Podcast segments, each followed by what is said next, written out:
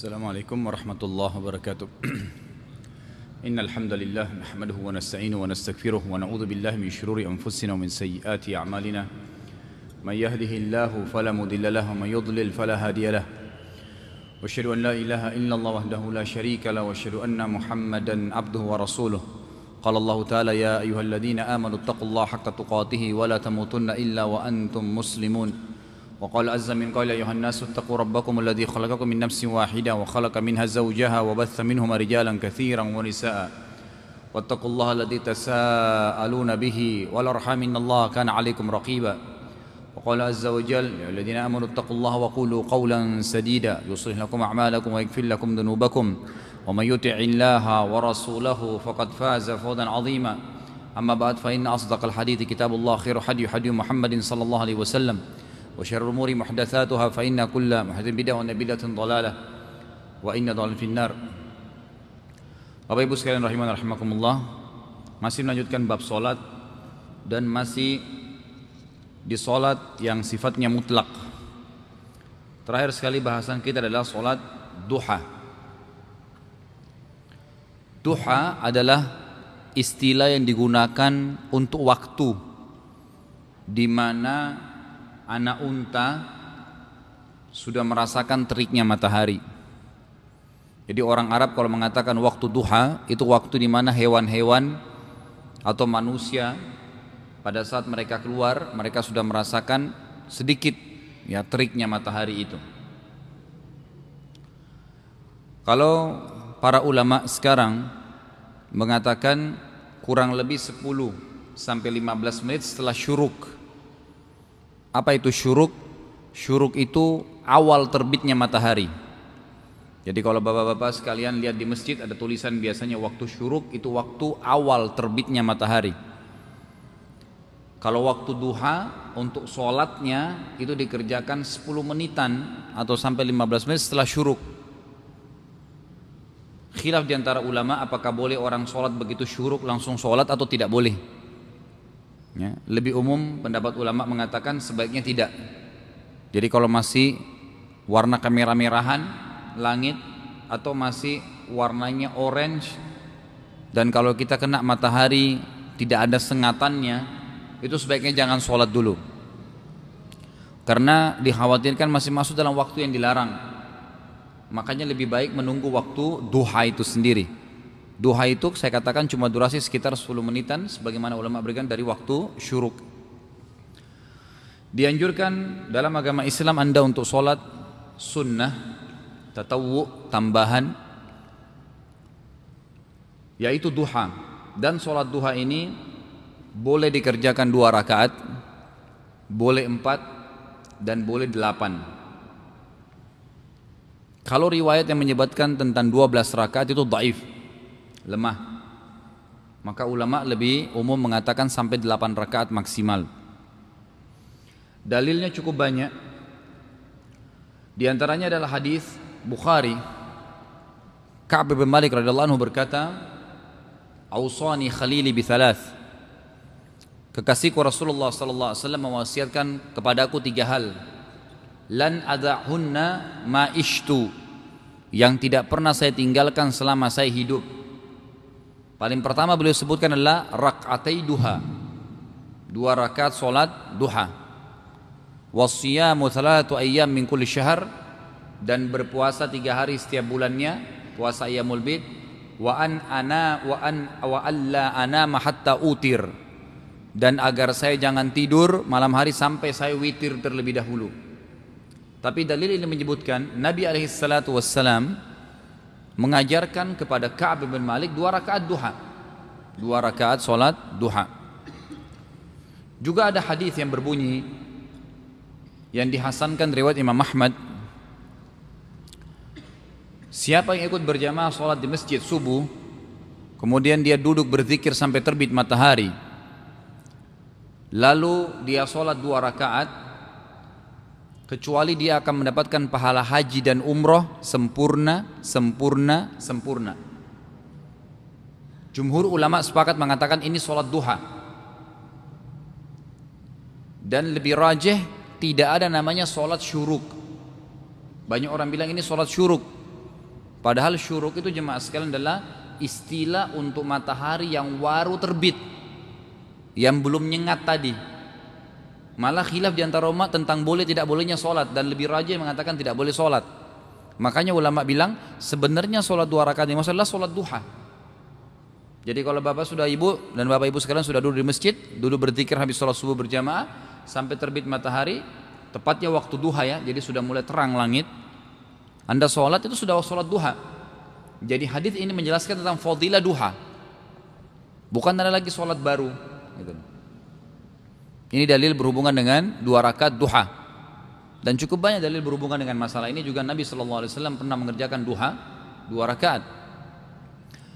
Kalau empat rakaat adalah dalil yang lain disebutkan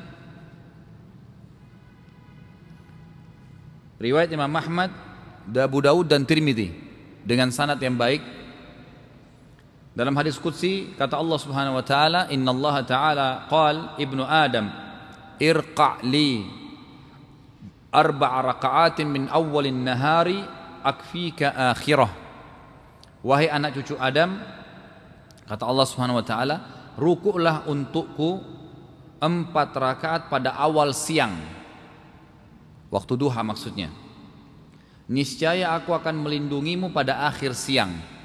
Atau terjemahan lain aku akan penuhi kebutuhanmu pada hari itu.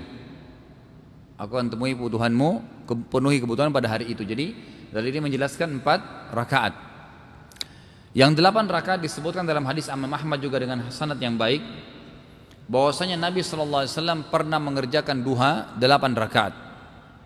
Pernah mengerjakan duha delapan rakaat. Tata cara sholatnya seperti sudah sering saya jelaskan, paling afdal dua-dua rakaat.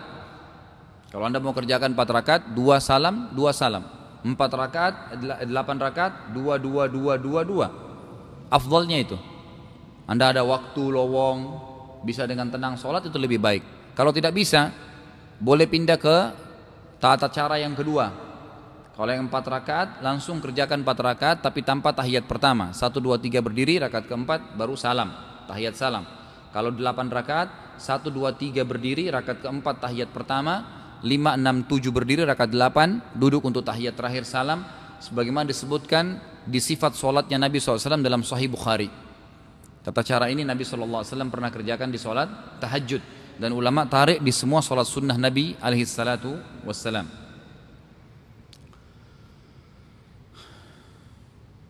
Kemudian setelahnya adalah sholat terawih.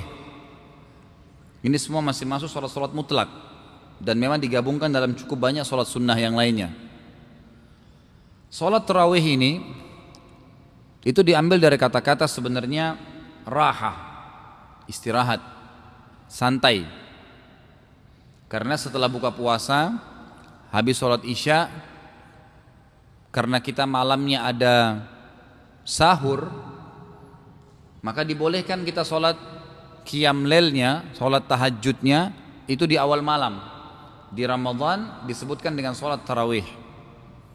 Dikatakan dia kita santai karena memang habis isya umumnya habis isya manusia masih kuat nggak ngantuk, nggak apa-apa, bisa santai kerjakan. Paling juga kalau orang yang biasa kayak di Indonesia ini sholat, mungkin kuliah al kafirun, inna ataina, inna wal asri, surah-surahnya yang dibaca, itu paling tinggi setengah jam dia selesaikan 11 rakaat. Maka sangat santai mengerjakan sholat terawih itu. Tetapi khilaf di antara ulama, apakah sholat terawih ini khusus dikerjakan Kan dia sebenarnya sholat tahajud yang dimajukan. Tapi karena dikerjakan di bulan Ramadan dan ditarik setelah Isya dikerjakan namanya tarawih. Tapi dia juga dinamakan Qiyamu Ramadan. Nama lainnya adalah Qiyam Ramadan, sholat malamnya Ramadan. Nanti akan kita dengarkan hadisnya yang disebutkan dalam Sahih Bukhari dan Muslim. Khilaf di antara ulama apakah selain Ramadan juga boleh orang tahajud setelah sholat Isya seperti dikerjakannya kalau Ramadan sholat tarawih. Pendapat pertama mengatakan tidak boleh. Jadi sholat malam itu setelah Isya yang boleh itu hanya Ramadan. Di luar Ramadan nggak boleh. Yang boleh di luar Ramadan hanya witir. Sebagaimana hadis Kaab tadi. Sebelum tidur dia boleh witir, tapi tidak pernah disebutkan kepada kita riwayat yang sahih Nabi pernah kerjakan di luar Ramadan itu sholat malamnya setelah isya. Yang banyak malah setelah malam bangun. Ini pendapat yang pertama. Dan Allah alam ini pendapat yang rajih. Ini pendapat yang benar. Jadi kita tidak boleh tahajud setelah sholat isya langsung. Karena memang belum ada sekali lagi riwayat yang sahih menjelaskan kepada kita Nabi SAW atau para sahabat pernah mengerjakannya tapi witir boleh terpisah jadi yang 8 rakaat sholat tahajud tidak dikerjain isya tetapi di Ramadan boleh karena ada dalil yang mengkhususkannya. Nabi SAW disebutkan dalam hadis Bukhari di awal Ramadan beliau selesai sholat isya. Setelah sholat ba'diyah isya beliau lalu sholat dilihat oleh beberapa orang sahabat diikutin. Para sahabat ikutin berapa orang segelintir sahabat yang belum sempat pulang ikutin Nabi ikut berjamaah. Dan Nabi SAW tidak larang. Dalam hadis sahih ini tidak dilarang kemudian setelah bubar Nabi SAW ternyata sholat seperti sholat tahajudnya beliau 11 rakaat beliau kerjakan 8 terawihnya 3 rakaat witirnya salam setelah itu para sahabat yang hadir waktu itu beberapa orang simpulkan mereka mengatakan Rasulullah SAW sholat tahajud Lalu mereka saling menyebarkan satu sama yang lain dari mulut ke mulut. Besok masjid penuh. Hari kedua masjid penuh. Nabi SAW lihat, Nabi nggak keluar. Sampai menjelang subuh. Sahabat sampai disebutkan dalam riwayat ini, kepalanya sampai turun ke tanah karena ketiduran. Nunggu Nabi keluar, Nabi SAW tidak keluar. Begitu waktu subuh tiba, Nabi SAW keluar, imami sholat, habis sholat subuh, lalu beliau bersabda, lalu beliau bersabda, beliau mengatakan, Sungguh setelah tahmid dan salawat beliau mengatakan Sungguh aku mengetahui perilaku kalian semalam Aku tahu kalian tunggu saya Tetapi saya tidak keluar karena sengaja Kalau saya keluar saya khawatirkan Allah mewajibkan untuk kalian Maka menyusahkan kalian gitu kan? Artinya apa? Boleh sholat aja Nabi nggak larang Mau sholat terawih berjamaah silahkan Di Ramadan Sebab Nabi nggak larang waktu di awal harinya Beliau malah jadi pemimpin Makanya Umar bin Khattab mengerjakan dengan cara berjamaah. Waktu di zamannya Umar bin Khattab beliau lihat berantakan sahabat sana ada yang sholat, di sini ada yang sholat, di sini ada yang sholat, sana ada yang sholat. Digabung sama Umar, sini semuanya. Daripada jadi fitnah di masjid, sholat berjamaah. Karena Rasulullah SAW mengerjakan terawih memang berjamaah walaupun semua satu hari. Tapi beliau tidak larang sahabat. Dan hari kedua beliau mengatakan, saya tahu perilaku kalian semalam, tapi saya tidak keluar karena khawatir jadi wajib buat kalian. Jadi wajib buat kalian. Jadi yang rajih jemaah sekalian sebenarnya adalah tidak boleh tahajud, ya, tidak dianjurkan tahajud setelah sholat isya. Tapi witir boleh. Karena banyaknya dalil yang menyebutkan witir secara khusus. Di antaranya tadi hadis Ka'ab dalam riwayat Bukhari, saya selalu witir sebelum saya tidur, gitu kan? Dan juga dalam hadis riwayat Ahmad dan dalam hadis sahih kata Nabi wasallam, siapa yang takut tidak terbangun di akhir malam untuk witir maka sebaiknya dia witir di awal malam sebelum tidur dalil jelas tapi nggak disebutkan tahajudnya terawih ini disebutkan dalam hadis tentang fadilahnya dan cukup banyak tentunya tapi kita ringkaskan dalam hadis Bukhari man qama kalau Nabi sallallahu alaihi wasallam man qama ramadhana imanan wa ihtisaba ghufira lahu ma taqaddam min dzambi siapa yang mendirikan salat malamnya Ramadan dengan diikuti dua syarat imana yakin perintah Allah wahtisaba mengharapkan pahalanya.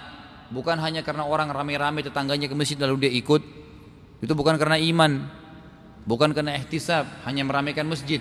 Seperti banyak anak-anak muda kita di Ramadan begitu. Akhirnya imam lagi sholat dia merokok depan masjid. Duduk nongkrong ngobrol-ngobrol. Karena dia bukan dengan iman dan wahtisab.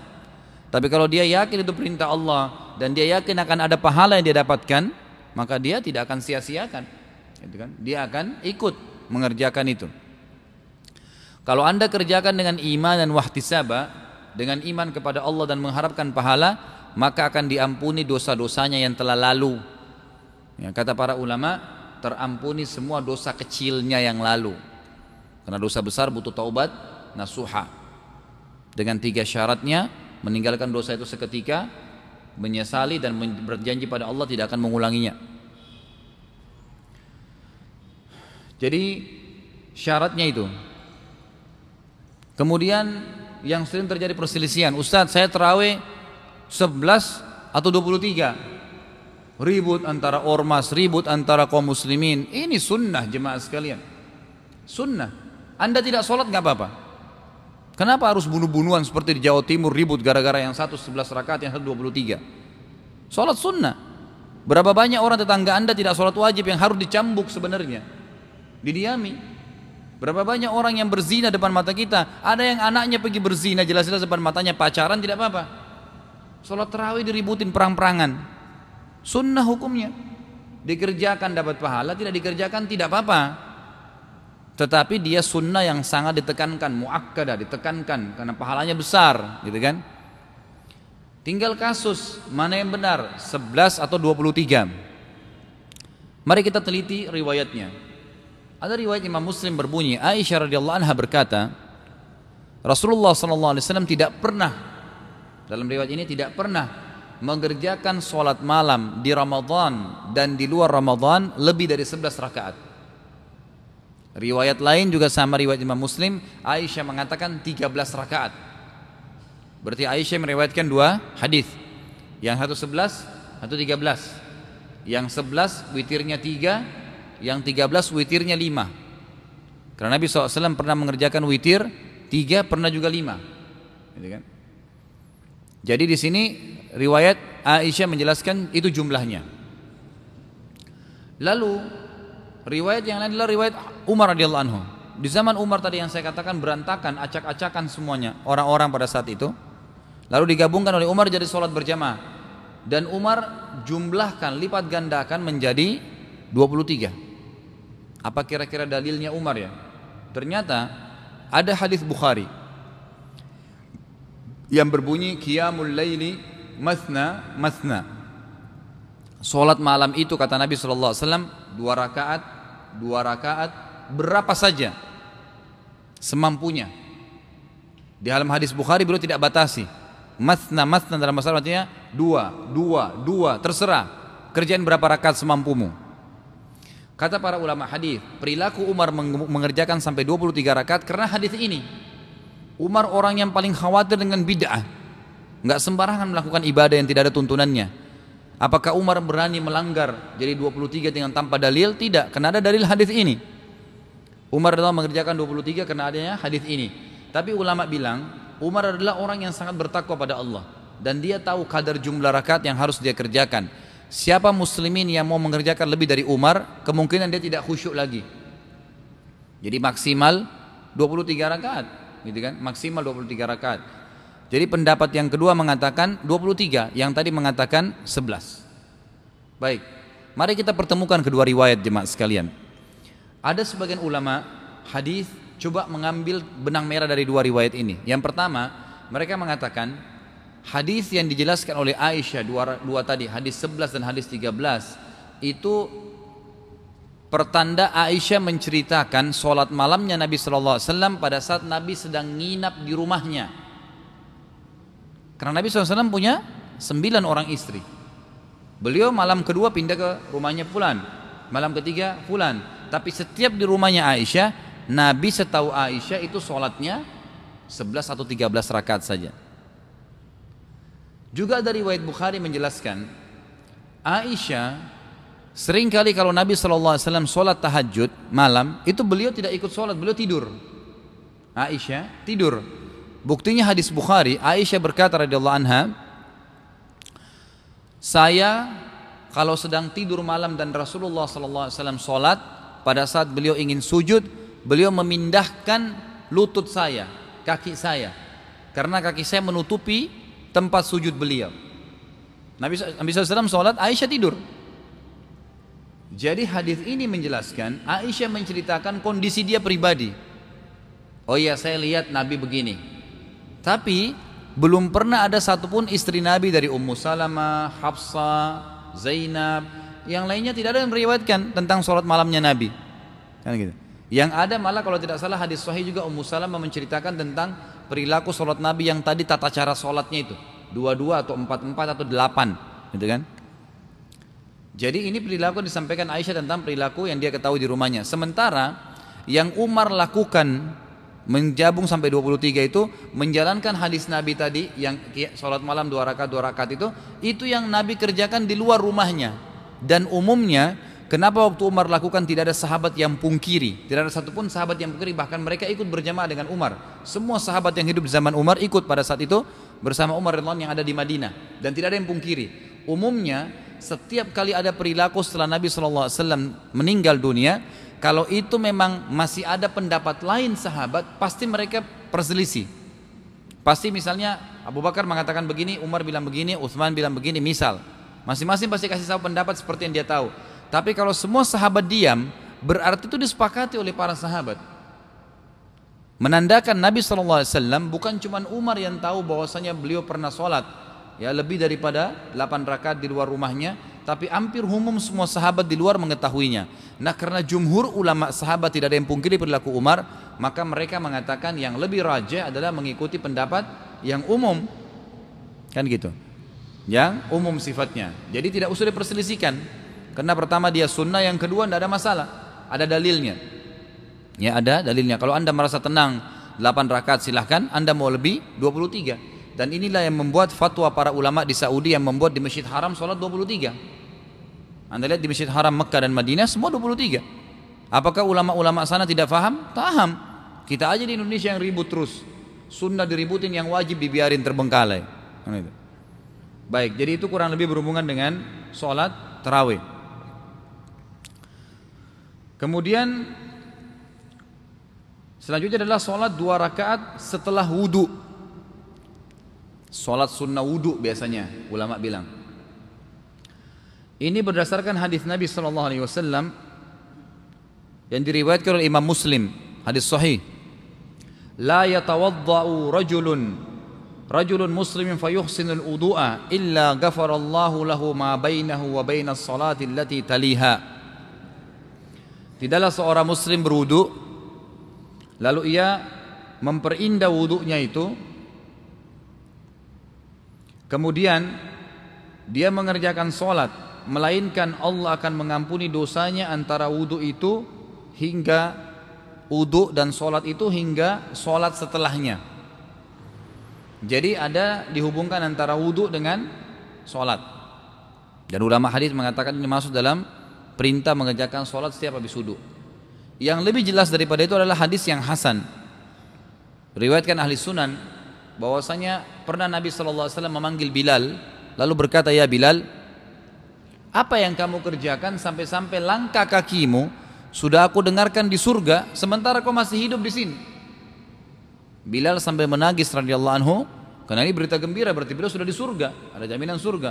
Beliau cuma mengatakan ya Rasulullah saya hanya setiap kali habis berwudu selalu mengikutkannya dengan dua rakaat sholat sunnah Perhatikan lafadznya Bilal mengatakan saya setiap kali setiap kali selesai berudu selalu ikutkan dengan sholat dua rakaat. Kenapa saya bahas kata-kata setiapnya jemaah sekalian? Karena waktu dilarangnya sholat subuh habis subuh sampai terbit matahari dan habis asar sampai terbenam matahari makanya tidak ada ba'diyah subuh tidak ada ba'diyah asar itu dilarang sholat semua sunnah dilarang kecuali dua sholat sunnah Sholat tahiyat masjid dan sholat wudhu boleh. Anda batal wudhu setelah sholat subuh berjamaah mau duduk sampai terbit matahari, terus keluar lagi kamar mandi, menyelesaikan hajat Anda langsung ada wudhu Anda kembali. Boleh nggak saya sholat sunnah? Boleh. Tahiyat masjid boleh, sunnah wudhu boleh. Selain itu nggak boleh, haram, nggak boleh. Kenapa? Karena dua ini saja yang punya dalil. Kalau hadis tadi Bilal yang saya katakan Bilal mengatakan setiap kali tidak kenal waktu. Saya udu, saya ikuti dengan sholat dua rakaat. Kalau sholat tahiyat masjid hadisnya jelas kan? Juga hadis sahih riwayat Muslim, janganlah salah seorang dari kalian masuk masjid kemudian dia duduk. Janganlah, larangan. Seseorang dari kalian masuk masjid kemudian dia duduk kapan saja kecuali dia sudah sholat dua rakaat. Berarti ini keluar daripada waktu larangan. Boleh. Anda masuk sholat sebelum sholat maghrib tadi misalnya waktu asar Waktu umum dilarang sholat sunnah tapi boleh tahiyat masjid. Begitu juga dengan sholat wudhunya. Kemudian setelahnya adalah sholat dua rakaat di masjid sehabis bepergian. Ini tidak disebutkan namanya. oleh para ulama tapi dikatakan sholat sunnah yang dikerjakan begitu datang dari safar. Jadi kalau anda datang dari safar perjalanan dari luar kota anda, begitu masuk ke dalam kota anda dianjurkan mencari tempat sholat, lalu sholat dua rakaat. Niatnya dalam hati seperti yang Nabi SAW kerjakan Karena Nabi SAW memang setiap kali datang dari safar Sebelum tiba di rumah beliau Beliau mampir dulu ke masjid sholat dua rakaat Maka ulama mengatakan ini sholat dikerjakan setiap kali datang dari safar Dalilnya adalah Disebutkan dalam hadis riwayat Bukhari Muslim Karena idha qadima min safarin Bada'a bil masjidi faraka fihi raka'atain Nabi SAW setiap kali datang dari safar selalu memulai dulu sebelum tiba di rumah beliau mampir ke masjid lalu sholat dua rakaat di dalamnya. Dan ulama mengatakan ini bukan sholat tahiyat masjid. Karena beliau tidak ada hajat masuk ke masjid pada saat itu. Umumnya tahiyat masjid itu dikerjakan kalau ada hajat kan kita masuk masjid kayak kita ada pengajian ada janjian sama orang masuk ke masjid kan gitu. Mau sholat beda. Tapi Nabi SAW datang dari safar. Orang dari safar biasanya langsung ke rumahnya. Maka dianjurkan seperti yang Nabi SAW kerjakan beliau sholat dua rakaat ini sholat ya datang dari safar. Kemudian setelahnya adalah sholat rakaat taubat. Yang dikatakan sering sholat taubat. Ini juga ada. Dalilnya adalah hadis yang Hasan riwayat Imam Tirmidzi Nabi SAW bersabda, "Ma min rajulin yadhnubu dhanban thumma yakumu fayatatahhar thumma yusalli rak'ataini thumma yastaghfirullah illa ghafarallahu lah." Tidaklah seseorang melakukan suatu perbuatan dosa lalu ia berdiri dan bersuci, beruduk. Lalu dia sholat dua rakaat, kemudian dia memohon ampun kepada Allah kecuali Allah akan mengampuni dosa yang yang lakukan. Berarti ada perintah setelah berbuat dosa, wudhu, sholat dua rakaat. Nggak ada hubungannya dengan ibadah-ibadah lain. Tapi berhubungan dengan kata-kata istighfar. Kemudian dia beristighfar kepada Allah setelah itu kecuali Allah akan ampuni dosanya. Maka ulama mengatakan adalah sholat taubat. Sholat taubat. Ya. Dan kalau saya tidak salah memang ada riwayat menyebutkan Abdullah bin Umar radhiyallahu anhu itu setiap kali beliau merasa gelisah, khawatir ada dosa, beliau wudhu, beliau sholat dua rakaat. Ya, umumnya berarti mengerjakan sholat ini kan gitu. Jadi kalau anda sudah mulai rasa gelisah, mungkin ada dosa, ada penghambat rezeki, boleh anda wudhu, anda sholat dua rakaat, taubat kepada Allah Subhanahu Wa Taala. Mungkin ada dosa. Selanjutnya adalah sholat yang dikerjakan sebelum maghrib.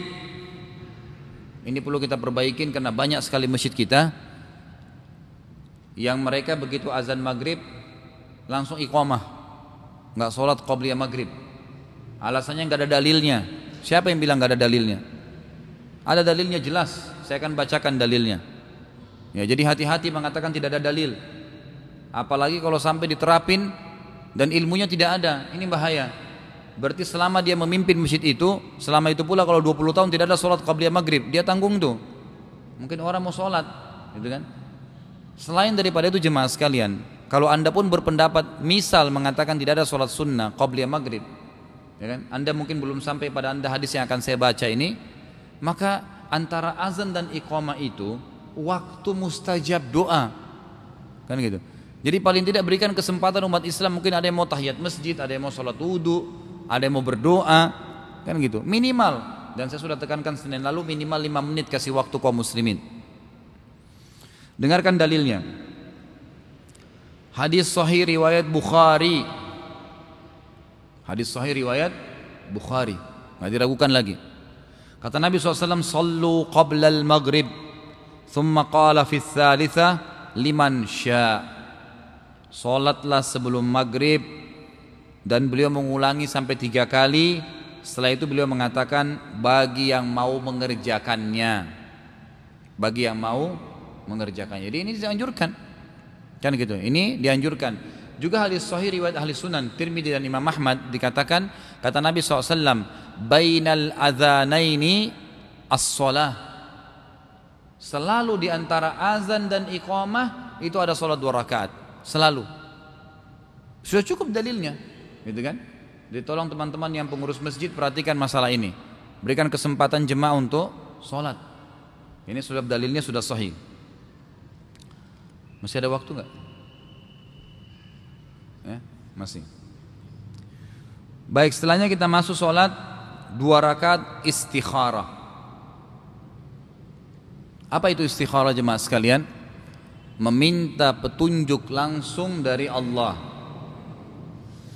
Dan istikharah ini jemaah sekalian adalah jalan pintasnya doa. Sekali lagi ya. Istikharah adalah jalan pintasnya doa. Kenapa saya tekankan poin ini jemaah sekalian? Karena banyak orang di Indonesia dia menganggap remeh istikharah. Dia anggap nanti kalau dia mau nikah saja bingung mau nikah sama fulan atau fulana baru dia sholat istikharah. Yang ini atau yang ini ya? Selesai. Salah saudaraku. Istikharah itu kalau anda tahu doanya sebagaimana nanti akan saya ajarkan itu kita sedang meminta petunjuk pada Allah pada saat itu.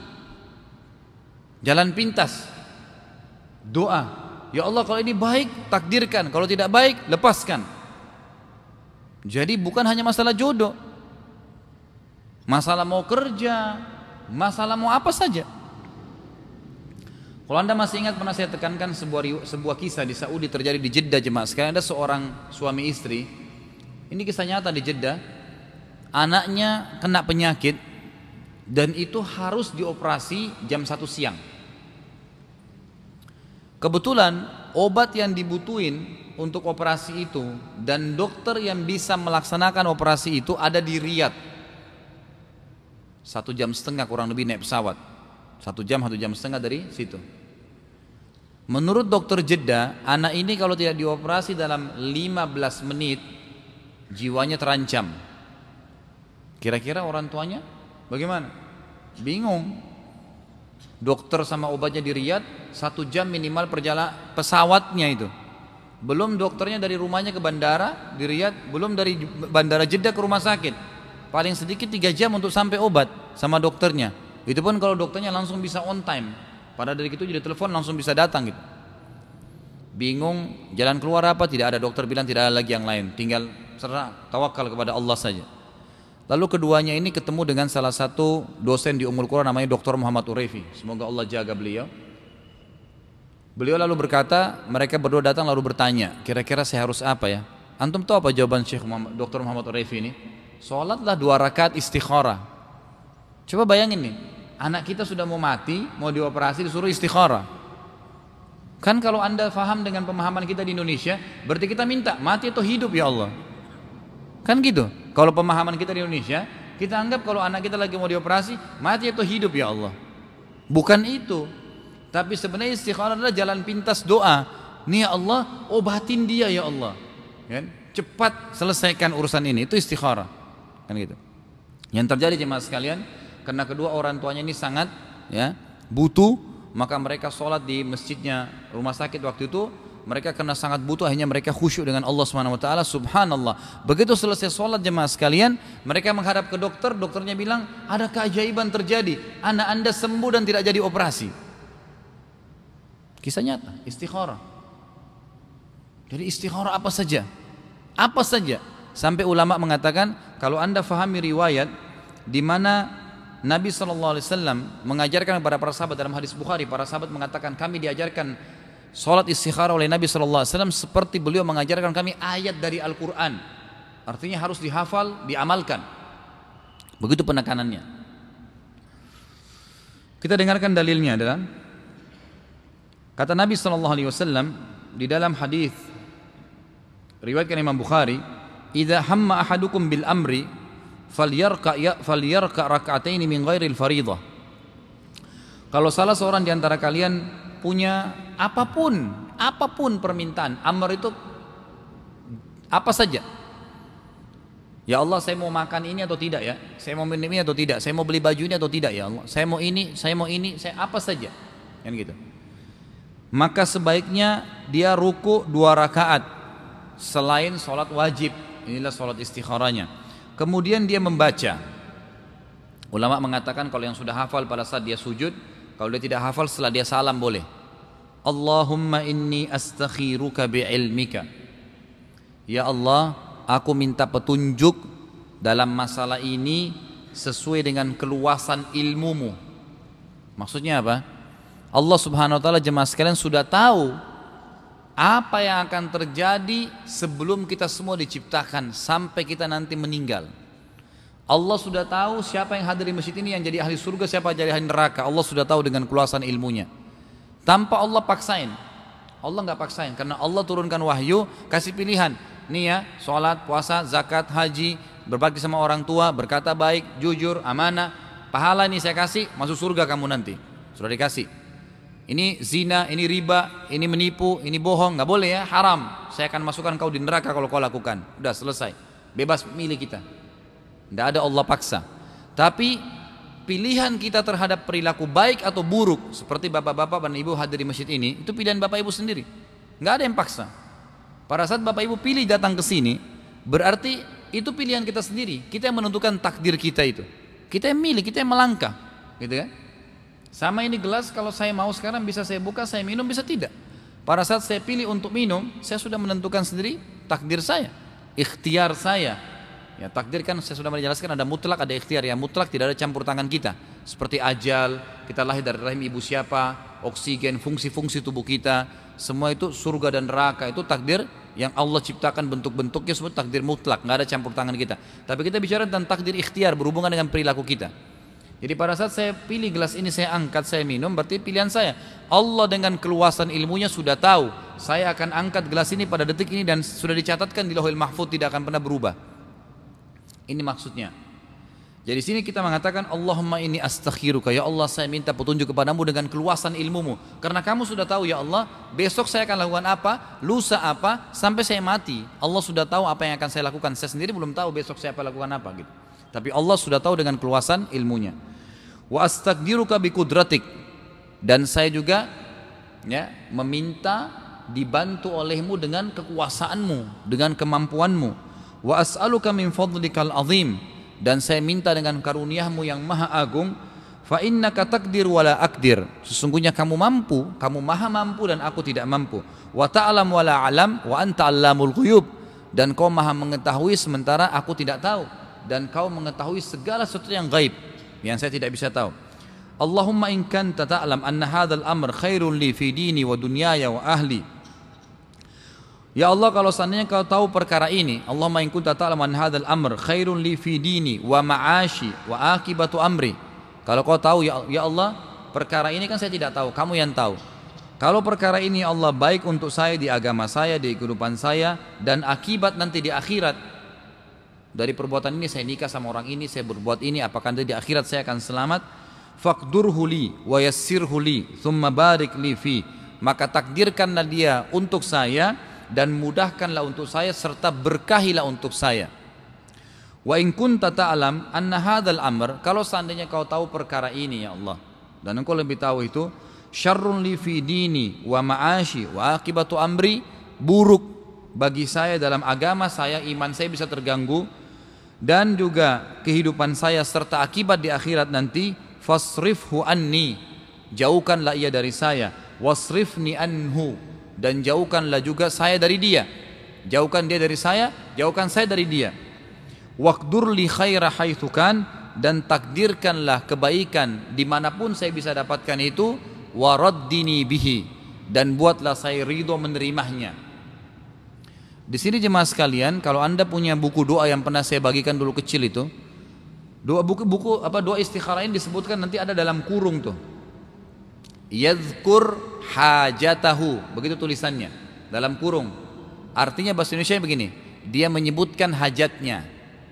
Jangan nanti ada orang di antara anda yang baca doa itu di buku doa kita, kemudian dia baca juga yadhkur hajatahu. Karena itu artinya dia menyebutkan hajatnya. Anda boleh sebutkan hajatnya. Bahasa Indonesia nggak apa-apa.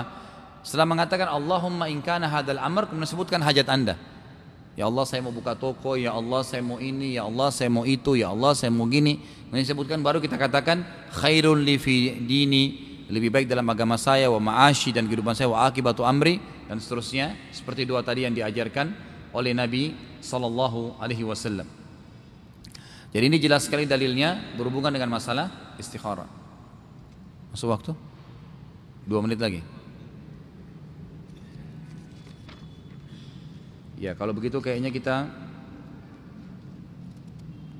Ada yang mau bertanya kan sampai sini dulu? Iya, silakan, Pak.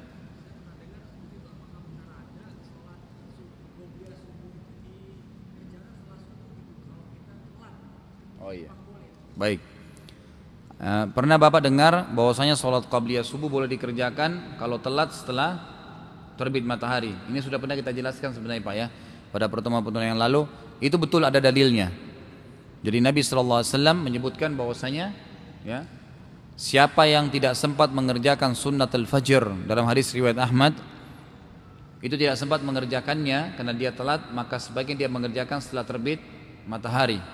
Juga dalam hadis yang lain hadis sahih riwayat Tirmidzi Nabi SAW dalam salah satu peperangan pernah tertidur dengan para sahabat bangun terbit matahari lalu Nabi SAW mengatakan di tempat ini semalam dipenuhi oleh syaitan lalu beliau panggil Bilal untuk azan.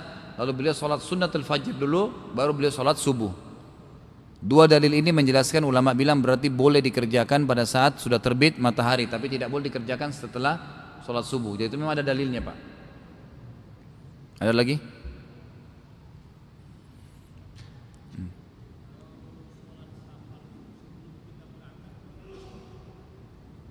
sebelum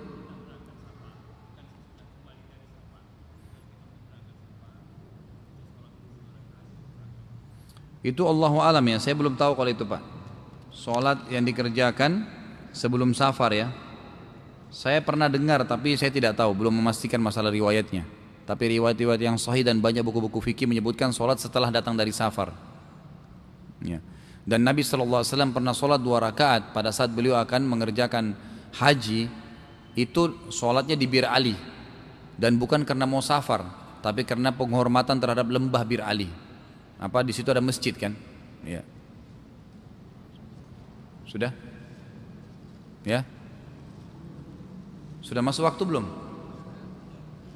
E, maaf pak. Bisa bapak tanya ke saya nanti setelah sholat ya? Supaya tidak mengganggu sholat kita. Baik kalau ada benar dari Allah kalau ada salah dari saya mohon dimaafkan. Subhanakallahumma bihamdika asyhadu an la ilaha illa anta ilaik. Assalamualaikum warahmatullahi wabarakatuh.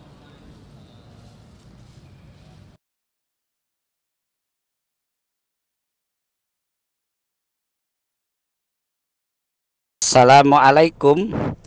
Untuk pemesanan paket umroh murah bisa menghubungi 0821 4196 0857 Kami ulangi sekali lagi untuk pemesanan paket umroh murah bisa menghubungi 0821 4196 0857 Sekali lagi 0821 4196 0857 Terima kasih.